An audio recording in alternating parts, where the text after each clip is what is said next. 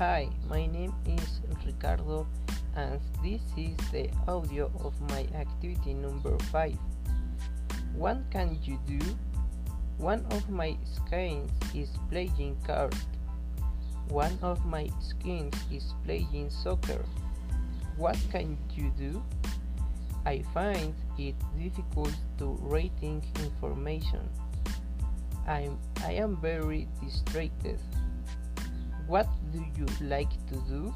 I like to go out for walks. I like to be an organized person. What do you dislike doing?